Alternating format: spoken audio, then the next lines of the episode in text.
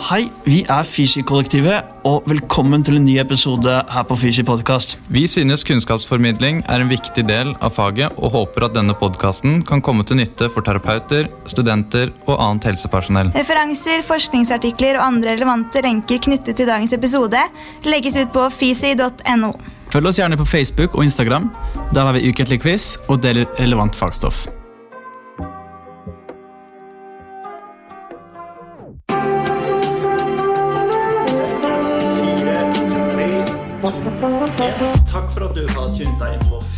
Podkast. I dag så skal vi snakke om eh, Parkinson disease. Men eh, det var jo ganske god logistikk for å få det her til å skje. Fordi vi sitter her da med Per Olav Wold Olsen og Amalie Byklum. Jeg må bare si før, eh, før vi startet her nå at det var en liten sånn runddans. Fordi nå er det vakre mai, fagre mai. Og det var virkelig gatevask, så vi sleit med å finne et godt nok lydisolert rom. Eh, Men nå er vi her. eh, Og dagens episode er litt spesiell også, fordi vi er to verter på Fysisk podkast. Hei, Amalie. Hallo. Ja, hvem, hvem er eh, du? Vil du introdusere deg raskt for eh, våre kjære lyttere, eller? Ja, jeg heter Amalie og jeg går andre året fysioterapi på Oslo OsloMet. Så det er en kort introduksjon om meg, da. Ja. Og så har vi jo eh, vår eminente gjest, eh, Per Ola Wold Olsen. Velkommen. Takk. Veldig hyggelig å ha deg på etter selv eh, Blir man på en måte kjent når man er i en sånn runddans etter på, på jakt etter rom? Da. Men velkommen på podkasten. I dag så skal vi snakke om uh, Parkinson disease, og, uh, eller Parkinsons sykdom, da, som det heter på norsk. Uh, og du har jo etter hvert fått eh, lang erfaring eh, innenfor feltet. Det startet kanskje, det har jeg skjønt, eh, i de tidlige dager eh, på Fram, uh, på rehab-senteret der. Stemmer. Uh, Og så om dagen så jobber du på eh, Oslo Met og i Parkinson Net. Eh, og det er jo uh, morsomt liten verden, for jeg fant ut at du har jo kontor omtrent ja, det er 100 meter fra meg på, på Riksen, så Ja. det er jo kjempegøy. Det stemmer. Riksen er stort. Ja. Men jo, jeg jobber først og Jeg er ansatt i OUS.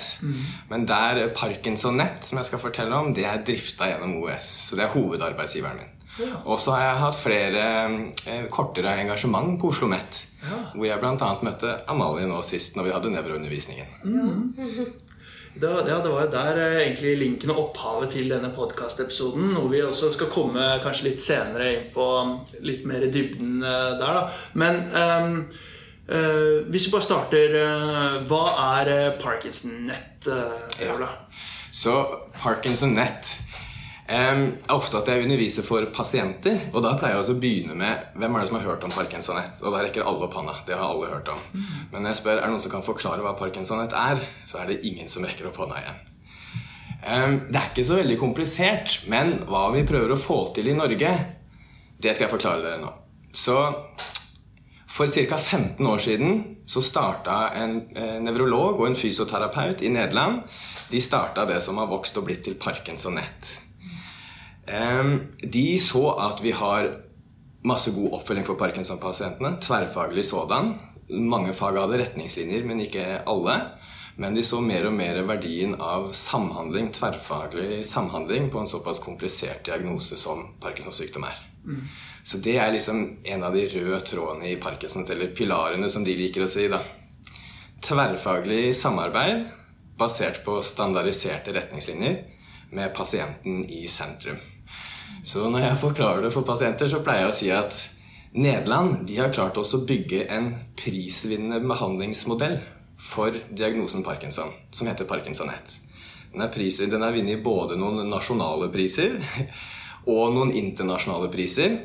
Og det den vinner på da, det er at pasientene får god oppfølging. Og det måler med sånne ting som færre hoftebrudd, færre syke, sykehjemsinnleggelser osv. Og så er det samfunnsøkonomisk. Så staten sparer litt penger på å gi et mye bedre organisert tilbud til diagnosegruppen. Og det er i Nederland. Og i Norge så har vi ikke hatt, eller vi har egentlig ikke en nasjonal standard for diagnostisering og behandling av denne diagnosegruppen. Så å få inn Parkinsonett, så er det liksom et av målene, da. At vi skal ha lik behandling over hele Norge. Det skal ikke ha noe å si om du bor i Finnmark eller i Bærum. Vi skal få det samme tilbudet og den samme oppfølgingen. Ja, riktig. Altså, så ved at da denne pasientgruppen får et uh, tverrfaglig tilbud, da, så Ja, sånn, sånn hoftebrudd uh, nevnte du. Eh, er det, det er jo dyrt eh, på sett og vis hvis noen brekker hofta. Hvilke andre ting er det typ som er typisk at en Parkinson-pasient kan ja, bli utsatt for, da, hvis ikke den får den tverrfaglige håndteringen? Det er jo at sykdomsforløpet går noe fortere. Ja. Ja. Så hvis vi da går litt over til sånn eh, definisjon av hva Parkinsons sykdom er, da, så skal vi jo snakke litt om symptomer og sånt, men det er viktig å ta med med en gang at Parkinsons sykdom det er noe man dør med, ikke av.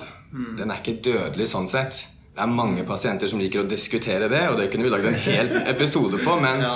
men det står jo i retningslinjer, og vi vet det at Parkinson-pasientene de dør av en infeksjon eller betennelse når de er skrøpelige. Ja. Så de dør av lungebetennelse på sykehjem, sånn som vi gjør. Så sånn tilbake til Parkinsonhet. da, ut Samfunnsutgiftene, eller tap av samfunnsutgifter ved Parkinson-pasienter, det er jo noe tap av arbeidskraft for de som er unge og fortsatt står i arbeid. Men så er det jo sånn som annet, det er jo sengeplasser, og spesielt da sykehjemsplasser, som koster mye penger. Ja. Og de fleste pasientene ønsker jo heller ikke å komme på sykehjem. Ikke sant. Og en del av den tverrfagligheten som man gjerne vil tilby denne pasientgruppen, er jo fysioterapi. Og det er jo det vi skal fokusere på i dagens podkastepisode. Men eh, kanskje jeg skal kaste ballen til min eh, kjære kovert Amalie.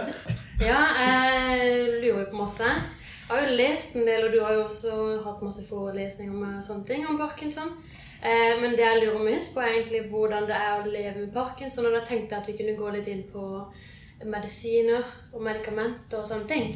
Eh, og så har jeg lest noe om at eh, innenfor parkinson-medisinering og sånne ting, så har du noe som heter on- og off-fase. Har lyst til å forklare litt mer rundt dette, og hvordan vi kan på en måte observere dette og se dette? da? Ja, yes, bra. Eh, så for å begynne litt sånn generelt igjen, så har jeg hørt mange flinke nevrologer si at eh, hvis du hadde Parkinsons sykdom før, altså før slutten av 60-tallet, da var det en skikkelig kjip diagnose å få. Før 60-tallet så hadde vi ikke noe medisiner.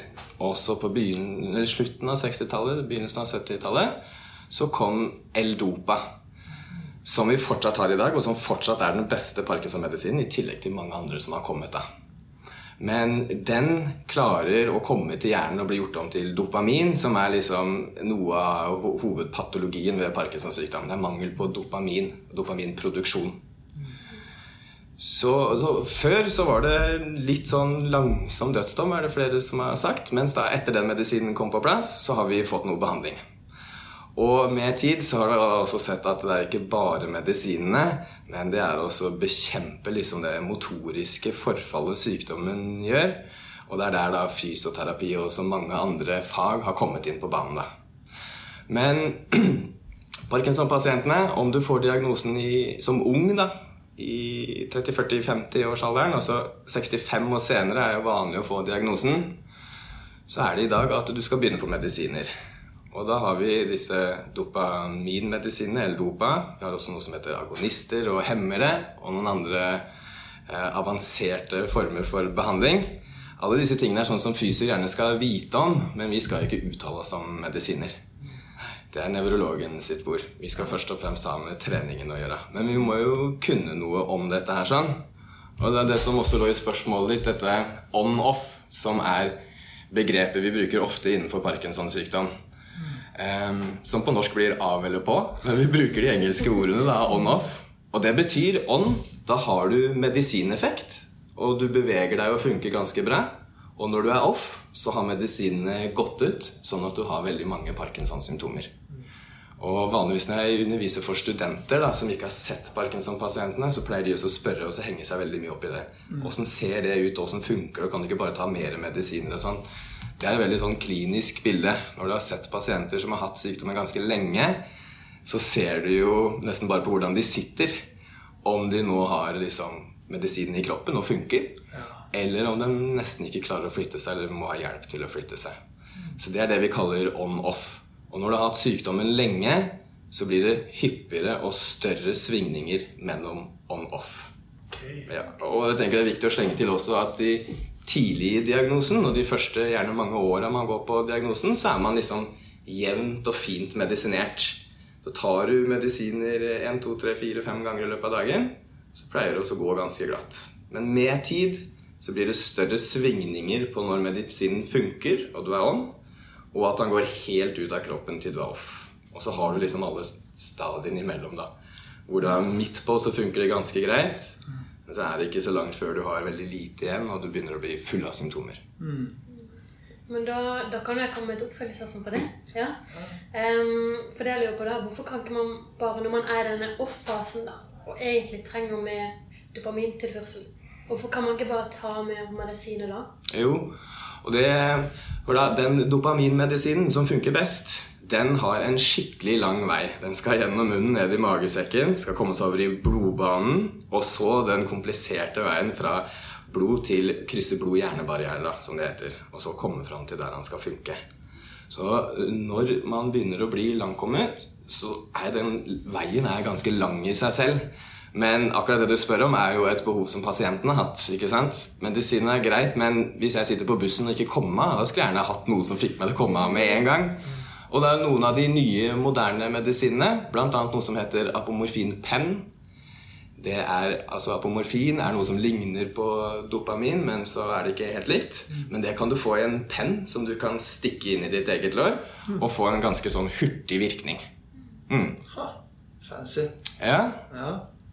Eh, Det er jo, Når vi snakker om medisiner og on- og off-faser, er det noe som på sett og vis kan kalles eh, super-on? Fordi eh, jeg har vært eh, observert i klinikken mitt eh, hvor det nesten fremstår nesten litt sånn fulle. Eller Mm. Ja. er, er det en er det, Kan det ja, det er nok det som du kaller superånd. Ja. Det er at Ånd er jo når du har medisiner i hodet og funker bra.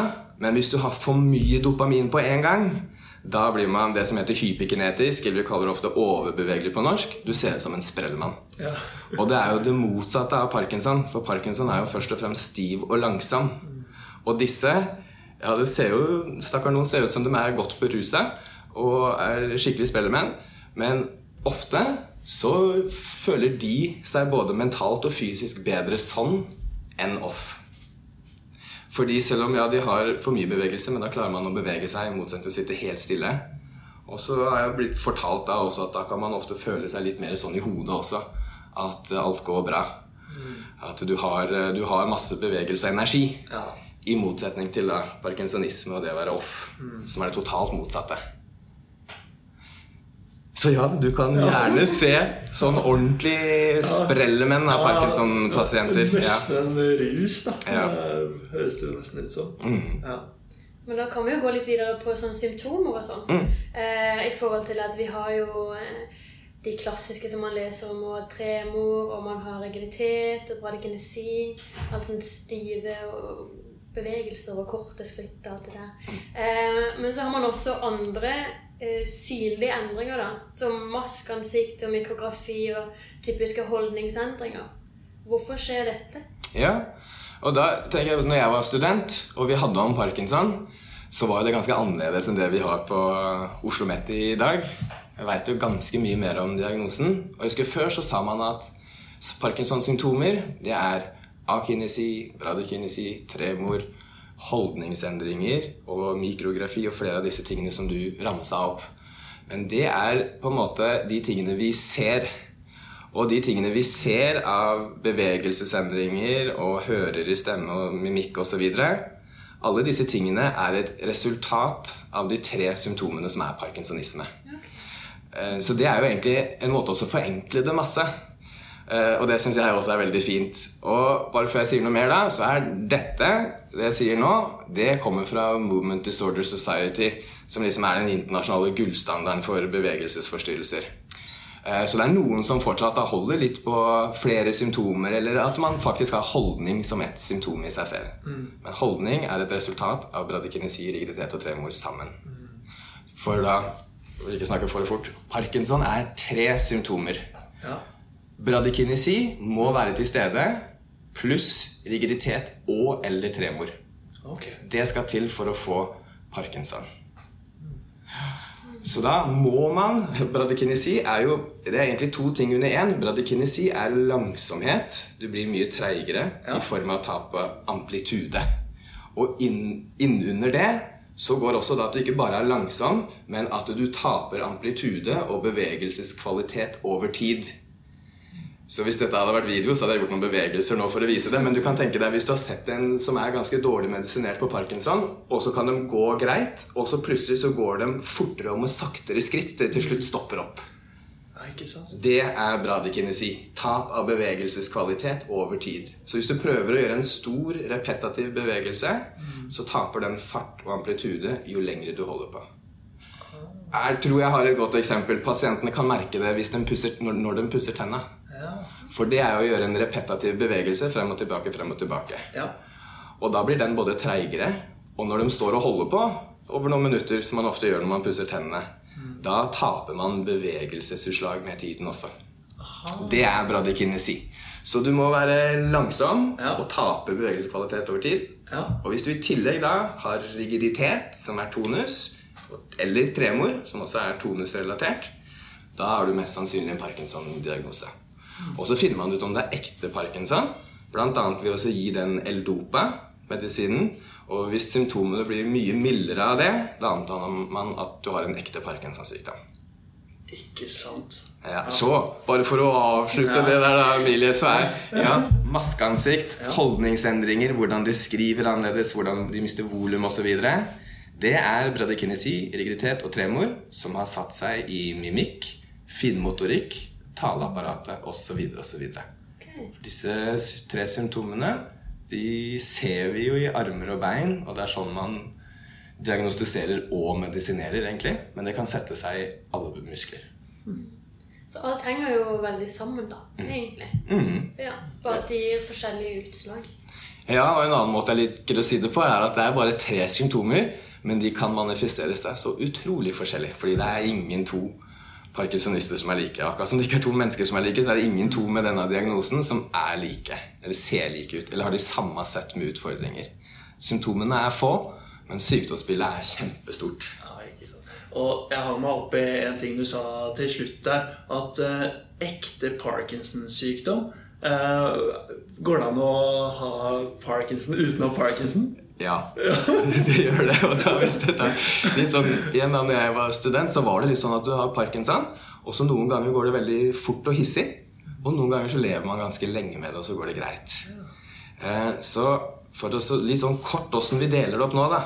Det som jeg kalte ekte parkinson, eller som også heter Parkinsons sykdom, eller morbus parkinson, det er 80% av alt som har med parkinson å gjøre. Så liksom majoriteten av alt som man snakker om parkinson, så har vi Parkinsons sykdom. Og da er det på halve siden av kroppen, medisinene funker greit, og så lever man vanligvis lenge med god livskvalitet. Og så har du da de resterende 20. Da kan man ha disse parkinsonisme, bradykinesi, rigiditet og tremor av annen årsak enn celledød substansia nigra. I basalganglene. Ja. Ja. Så for eksempel da, hvis du har et lite slag eller sirkulasjonsforstyrrelser i basalgangler eller nærliggende områder, så kan du få parkinsonisme som symptom. Syndrom. Du har også noen form for eh, medisiner, og spesielt sånn tung eh, antipsykotikum, og spesielt da medisiner som ble brukt i tung psykiatri tidligere, de hadde, har parkinsonisme som bivirkning. Jeg, jeg hadde turnus på Blakstad sjukehus, og alderspsykiatri der sånn. Det var mye parkinsonisme. Men jeg tror ikke mye av det der var ekte parkinsonisme. Nei. Og så bare helt til slutt, da. Bare for at vi snakker om dette, så har vi nå også noe som heter atypisk parkinson. Disse begrepene hørte jeg ganske lenge etter jeg var ferdig til å studere. Og det er disse variantene som går veldig fort og er hissig. Ja, og da, Man kaller det atypisk parkinson fordi det ser ut som parkinson i begynnelsen, men så viser det seg at det er noe mer. Før kalte man det parkinson pluss. Og disse variantene de er sånne mye mer aggressive, hvor det er mange flere systemer som blir affisert med tid. Ganske fort. Eh, og så har de sånne flotte trebokstavsforkortelser. Men da, det, det er fortsatt innenfor parkinson, fordi de har parkinsonisme i begynnelsen, men så viser det seg at det er noe mer. Og, og den lille gruppa her sånn, de har ofte kortere forventet levetid. Ja. Mens de med ekte de lever mer eller mindre like lenge som oss. Og så var det noen forskning for et par år siden som viste at de kanskje ett til to år mindre. Ja. Ja. ja. Det var lenger enn det jeg hadde tenkt. Ja. Ja. Eh, men det jeg lurer på, da, er, er det noen må, må man være godt utdanna innenfor nevrologien for å kunne se veldig forskjell på disse atypiske og vanlige Parkinson-sykdom? Ja. Er det noen tegn som vi kan se etter? Ja, nei, da er det det, det, som, det som man kaller for røde flagg. For da ser det ut som Parkinson i begynnelsen, men så er det noen andre ting som peker i annen retning. da. Og det, de, de røde flaggene vi ser etter, eller i hvert fall vi som fysioterapeuter, det er at har du ekte Parkinson, så skal det være unilateralt. At det er veldig tydelig på én side. Okay. Så F.eks. tap av armsving, eller at den ene foten subber mer enn den andre. Så ekte Parkinson tydelig unilateralt. Ja. De atypiske bilaterale. Ja. Så hvis det er klassiske, det er ekte Parkinson-symptomer, men det er like mye på begge sider, da er det et rødt flagg. Et annet rødt flagg er at du ikke har veldig god dopaminrespons. Du tar disse pillene, da, og så blir ikke symptomene noe særlig mindre. Det er også et rødt flagg for disse. Eh, Et annet som også fysioer ofte fort legger merke til, da, det er at hvis du har mye av disse ikke-motoriske symptomene veldig tidlig, og da spesielt også kognitive symptomer, da, at du kan begynne å surre eller ordleting eller sånne ting som er mer imot demens og sånne type tilstander. Man har det tidlig i forløpet, da i løpet av det første året, så kan det peke på en sånn aggressiv atypisk variant. Skjønner. Mm. Det er interessant, da. Veldig. Ja. Men i forhold til det med symptomer og sånne ting, så har jeg lest om det med freezing of gates'. Ja. Eh, hva er dette? Ja, det er også litt sånn der Akkurat som on-off, freezing of gate, det er noe man har sett hvis man har jobba med godt voksne Parkinson-pasienter. Ehm, og det er Det har vi ikke noe godt norsk ord for egentlig heller, så vi kaller det freezing of gate, eller da forkorter det til FOG.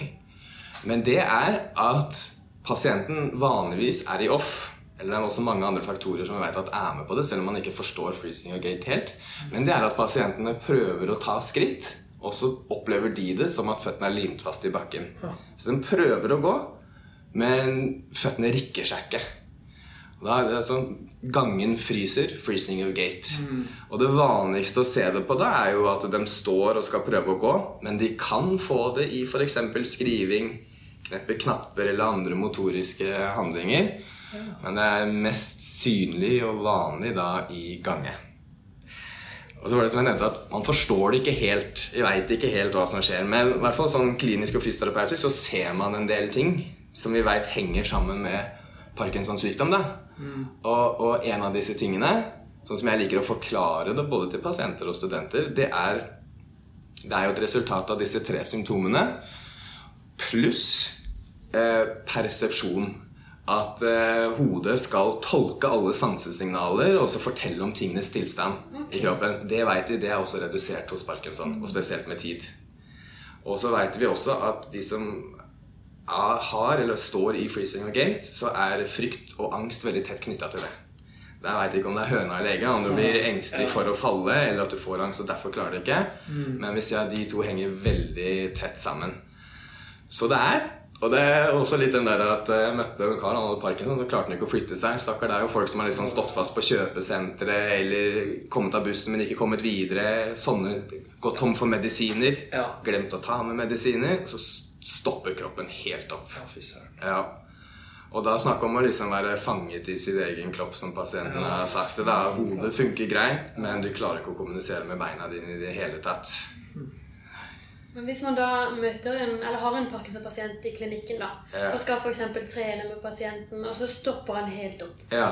Hva skal man gjøre da? Er det noen form for strategier? Er det Ja. noen sånn cueing man kan bruke? Da, Da skal vi i hvert fall ikke Vi har ikke snakka så mye om hva fysioterapeuter burde holde på med, men da skal man i hvert fall ikke trene dem hardt.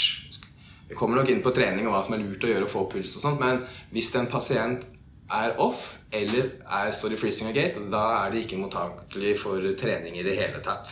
Nei, da skal vi trygge dem og hjelpe dem. Så alltid det første jeg gjør hvis du ser en pasient står der sånn, det er å gå og så gi dem en hånd, så de får holdt meg. Ja. Trygge dem litt, og uten at jeg støtter dem fysisk. Fordi med en gang vi tar fra dem tyngdepunktet, så er de enda mer freezing. Da blir de enda stivere. ikke sant? Men at jeg gir en hånd først og fremst og sier hva vil du? Skal jeg få noen til å hente en stol, så du kan sette deg ned her? Eller klarer du å gå sammen med meg? Liksom, hva er planen? Ja, lurt. Eh, Men eh, når du da sier at um, hvis du møter en pasient som er i freezing-status, da, eller mm. uh, er det litt sånn uh, at da er det sannsynlig at vi fryser igjen og igjen i- innenfor samme periode? Er det en medisin, medisin? Ja. Eller Veldig gode spørsmål altså fra begge to. Jeg tenker på så mye klinikker når dere spør disse spørsmålene. Det er relatert til at man har store svingninger mellom on-off. Eh, fordi at du må bli liksom litt sånn ordentlig off for å få freezing totalt. da. Ja. Ehm, eh, og så er det Det er så mange som spør Har du noen tips for å komme ut av freezing. Og da litt sånn som at sykdommen er så utrolig individuell, så er det bare at man må kartlegge, prøve og feile. Så sånn som du spurte da Hvis jeg hadde hatt en pasient, og så sier du nå har jeg begynt å oppleve freezing de siste måneden, siste halvåret, da ville jeg prøve å kartlagt det sammen med pasienten. Hvor er det det skjer? Når er det det skjer? Og også da i forhold til medisiner, væske og annet næringsinntak. Stress og angst, disse tingene som jeg har vært inne på. ikke sant? At jeg er med på den greia der sånn. Kartlegge det. Og så, sånn som fysioterapeuter er flinke på, vi kan jo det som er fysiologisk. Så når folk spør du har noen tips for det, så pleier jeg å si at ja, men du veit jo åssen vanlige mennesker går. Se han du, eller denne pasienten prøver å gå. Hva er, det, hva er det han ikke får til? Hva er det som ikke skjer? Og det var en av tingene vi var inne på som jeg prøvde å komme inn på i stad. Det er vektskifting. Det gjør ikke Parkinson-pasientene når de er i, i freezing of gate. Og det er at du må ha tyngdepunktet lateralt for å klare å svinge fram bein. Så sagt på en annen måte, De prøver å svinge fram beinet før de gjør vektskift. Og da står liksom føttene bare og så fryser i bakken. da. Så når vi trener eller prøver å komme ut av det, så er det kanskje også å prøve å få til vugging. Eller at som del av vanlig trening så er det at vi overdriver vektskift lateralt ut i sidene. For vi veit at sykdommen vil at du skal bli stiv og lukka helt inn i midten. ha. Den var fin. Ja. Ja, veldig interessant igjen. Det, jo, det hjelper jo veldig at du på en måte drar det så klinisk, da, at man ser hvordan man kan hjelpe disse pasientene. Eh, og så videre over til noe litt annet igjen. Vi snakka jo om eh, medisiner og on- og off-fase, og hvordan dette kan endre seg over tid. Når du har hatt sykdommen f.eks. ganske lenge. da. Eh, og så etter hvert så begynner man å reagere annerledes på medisinen enn det man gjorde før. Eh, og så har jeg lest noe om det med dyp hjernestimulering. Ja, Hvordan virker dette, Ja. og hva er dette? Og riktig. Det virker som noe ville greier. Ja, jeg hadde en pasient som vurderes for dyp hjernestimulering i forrige uke. Han sa det høres jo veldig deilig ut, da. Stimulert dypt i hjernen. Sa han. Så ja. Men eh, uff. Stakkar. Jo. Nei, dyp hjernestimulering det er noe av det mest avanserte man holder på med innenfor nevrokirurgi i verden. Og det er et av de liksom, mest størst voksende feltene, da. For det er så mye annet innenfor nevrokirurgi som blir konservativt. At det er andre måter istedenfor å pirke inn i hjernen. Men dyp hjernestimulering, det dreier seg om man opererer inn, man borer hull i hodet, og så opererer man inn bitte små hårtynne elektroder ned i basalganglene. Og da er det først og fremst et område som heter STN, som er vanligst å stimulere, i hvert fall i Norge, ved Parkinsons sykdom. Eh, og så er det sånn eh, at du får inn disse elektrodene, og så er det en vaier som blir ført under huden, og så legger de en pacemaker under huden på brystet. Litt sånn som de som er hjertepacemaker. Men denne pacemakeren her sånn, den fyrer også strøm, men den fyrer strøm da opp til hjernen. Så jeg har hørt mange flinke nevrologer prøve å forklare det eller da, forklare det så enkelt som mulig. Og så er det sånn at man, man vet ikke resultatet før man går inn og stimulerer. Eh, og så er det sånn Nå har vi vært inne på at parkinson det har noe med da, disse substansa nigra-cellene, og de produserer dopamin, og det er veldig viktig. Det er liksom noe av hovedpatologien, men så skjer det veldig mye annet også, da. Og hvis du har en skade ett sted i hjernen, så skjer det ofte også ting i nabolaget. Ja. Så en ting som skjer i nabolaget til substansa nigra, det er at det er uhensiktsmessig aksjonspotensialer og uhensiktsmessig elektrisk aktivitet. Ja. Og den kan måles. Så da kan de se ok, her er hodet til en Parkinson-pasient, og så ser vi at her er det uhensiktsmessig aktivitet. Den kan vi gå inn og dempe med de elektrodene. Så det er det de gjør, da. De ser her er det masse fyring som ikke skal være. Så går vi inn, og så stimulerer vi det. Og da ser man at disse symptomene, motoriske symptomene forsvinner på operasjonsbordet. Og da kan man, man kan dempe alle de motoriske symptomene, eller er det noen typiske Ja, og da er det litt forskjellig hvilke områder og hvilke symptomer som blir dempa mest og så og videre. Eh, altså si at I Norge så er det først og fremst STN-området, men så er det visse andre steder i verden som ja, hvis vi skal gå mer på tremor, så kanskje vi tar et annet område og så videre. Men det som kanskje skjer mest innenfor dette her, sånn, det er jo så veldig voksne, som jeg sa, det er at de elektronene vi har i dag, er jo så klart noen helt andre elektroner enn de putta inn på 80-tallet. Ikke sant? Så i dag er jo elektronene mer eller mindre smarte. Og du kan både velge hvilke retning og områder og sånt du fyrer mens de er i. Det kunne man ikke før. Da måtte man liksom treffe, legge der, og så kan man stille litt sånn på frekvens og sånt da, med tiden.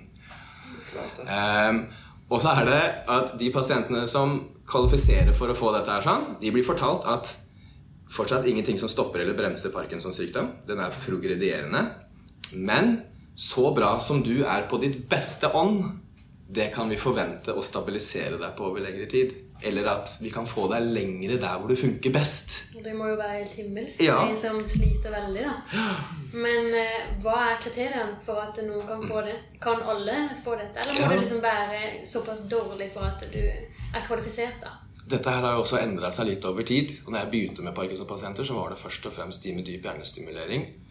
Um, og, og da var det Eller det, det som har endra seg, da Man opererer dem yngre i dag okay. enn for ti år siden. For da var det litt sånn der vi venter til det er ordentlig ille, og så prøver vi nå. Mens nå har de sett at hvis vi går inn noen år før, så har vi lengre tid med god effekt. Så før så var det et sånn sett med kriterier. Um, eh, mens nå, i dag, så må man komme til per def å være i avansert Parkinson-stadie. Advanced stage. At du er ferdig med det såkalte honeymoon face. Som høres veldig hyggelig ut. Så du, når du får diagnosen av nevrolog, da har du hatt patologi i hodet ganske lenge. Så du er litt sånn preklinisk Parkinson, og så får du diagnosen. Og så da begynner du på medisiner, trener og sånt, og så har du da honeymoon phase, hvor ting funker. Du kan leve mer eller mindre normalt, men du må ta medisiner, så må du trene, så må du holde det gående, da. Og når den tiden er over, da går man over i advanced stage. Og det er viktig å definere dette, fordi for å, du må være advanced for å kvalifisere for dyp hjernestimulering eller de andre avanserte behandlingene. Da. Og i dag så har eh, Movement Disorder Society igjen da, forenkla det ganske godt. Så er det mange flere kriterier, men man har en sånn 5-2-1, som vi i Norge også har forenkla litt til 5-3. Som betyr at hvis du tar L-dopa-medisin, den beste, fem ganger om dagen eller flere ganger, og du har tre timer hvor det funker dårlig, da er du per def avansert, og da kvalifiserer du til å få operasjon. Eller sånn som vi liker å si det, da skal du få informasjon om operasjonen Nå har, nå har du kommet hit hvor medisinene begynner å bli vanskelig, og da er det begrensa hvor mye vi har å gå på. Men da kan du få dyp hjernestimulering, som, er, som vi har snakket om. Men det finnes også to andre typer. Da, noe som heter duodopa-pumpe, hvor du får flytende medisin rett inn i tolvfingertarmen gjennom en kassett. Og så har vi også noen nyere variant som er apomorfinpumpe, hvor du får det som ligner på dopamin. Så får du det subkutant gjennom en pumpe. Så de er også avansert behandling, da, de tre. Mm. Men nå har vi snakket om dyp hjernesimulering. Dette var del én av episoden om Parkinson disease. Del to kommer snart. Er det ikke deilig å bare høre noen som virkelig kan temaet tema godt, og bare høre de snakke om det? Ja, det syns i hvert fall jeg. Har du tilbakemelding, eh, feedback, ris, ros, så ta kontakt med oss på Facebook, Instagram eller e-post. Takk for at du hørte på Fysi podcast. Håper du likte denne episoden. Følg oss gjerne på Facebook og Instagram. Der har vi ukentlig quiz og deler relevant fagstoff. Vi selger T-skjorter og annet merch på fysi.no. Vi har mange planer og mål, og omsetningen av merch skal vi bruke til videre prosjekter og kunnskapsformidling. Husk å abonnere og rate podkasten, slik at vi når ut til flere.